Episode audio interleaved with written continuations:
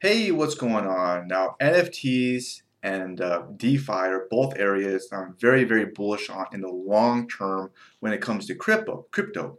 I know recently crypto has been completely hammered and it's gone down a whole lot, but I'm thinking long, long term, years, years ahead.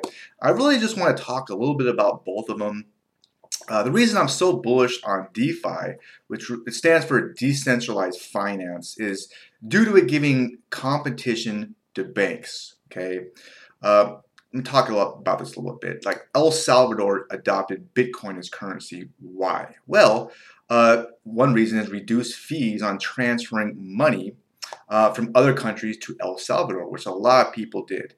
A lot of people do that. Okay, 24 hours a day, seven days a week, with reduced fees. That's competition there.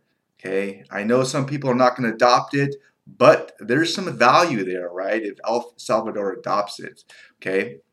Um, another reason is 70% of El Salvador, uh, the population, is unbanked. They don't have a bank to go to. How do they store their money? Well, crypto offers an, a competitive, well, way there, right? Because someone can store value using their phone in crypto. Uh, they don't have to put cash underneath the mattress, which can get stolen.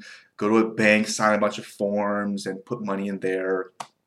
Um, so it's another uh, competitive way for so people can store their value, and that's really pretty cool. Okay, so when it comes to banks, there really are three different types. All right, there's regular banks, there's fintech like PayPal, right? That's fintech. And there's DeFi. And DeFi, uh, a big reason DeFi is, is powerful, okay, is due to overhead.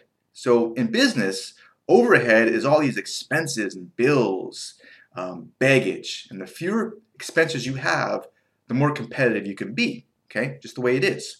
Uh, regular banks, they have these buildings to pay for, electricity, employees. Um, due to all this, it's harder for them to compete because of this bills and baggage. It really is, okay? And that's why PayPal took off, and obviously that helped Elon Musk just made him a shit ton of money, okay? Was part of the whole group. Um, now, fintech is, of course, better, right? Like PayPal, less overhead. It is.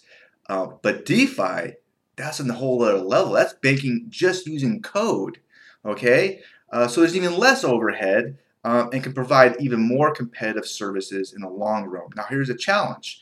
It's very, very new, very new.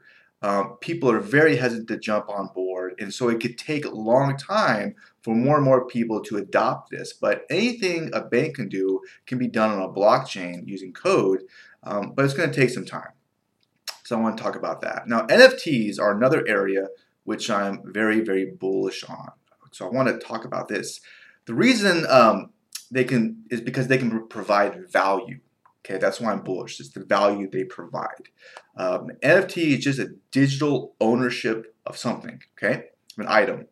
Now, due to gas prices, COVID, the world has just expanded more online. You love it, you hate it. I wish we can go back to 1980s, you know, uh, with hair bands, but we live in the real world. That's just the way it is. Um, we've seen this with Zoom meetings, right?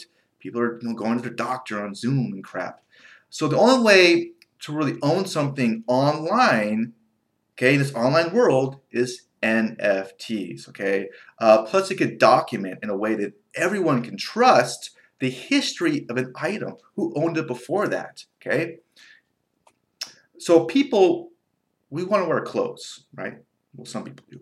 Um, we want to drive cars, all to express ourselves and to communicate to other people. That's what people do. Okay, um, it's just going to be the same online. Okay, and that's why people spend money on Fortnite skins uh, so they can express themselves. Okay, it really is a generational thing.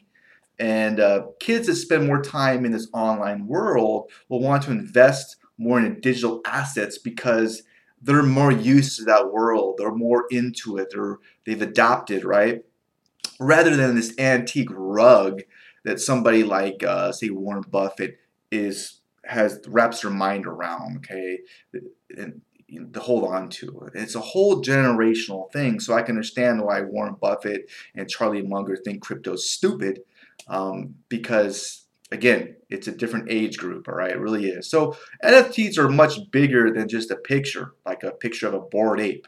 Okay, and some people are like, why in the hell are people spending money on these bored apes?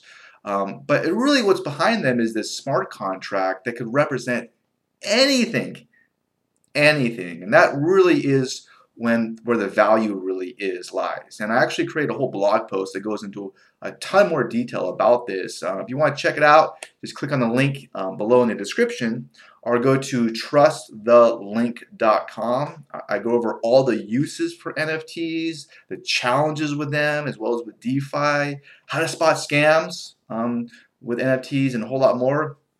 So hopefully this video or podcast just gave you some food for thought and just you know, got some things working up here or whatever, and was somewhat helpful a little bit. Um, but anyways, enough about me. I'm curious. Uh, leave a comment. Uh, am I wrong? Okay, sometimes I'm wrong. Please share in the comments. Where do you, where do you, what do you agree with? Right? What am I wrong about? Uh, let me know in the comments. So, anyways, uh, I wish you the best and have a great rest of your day. Take care. Bye.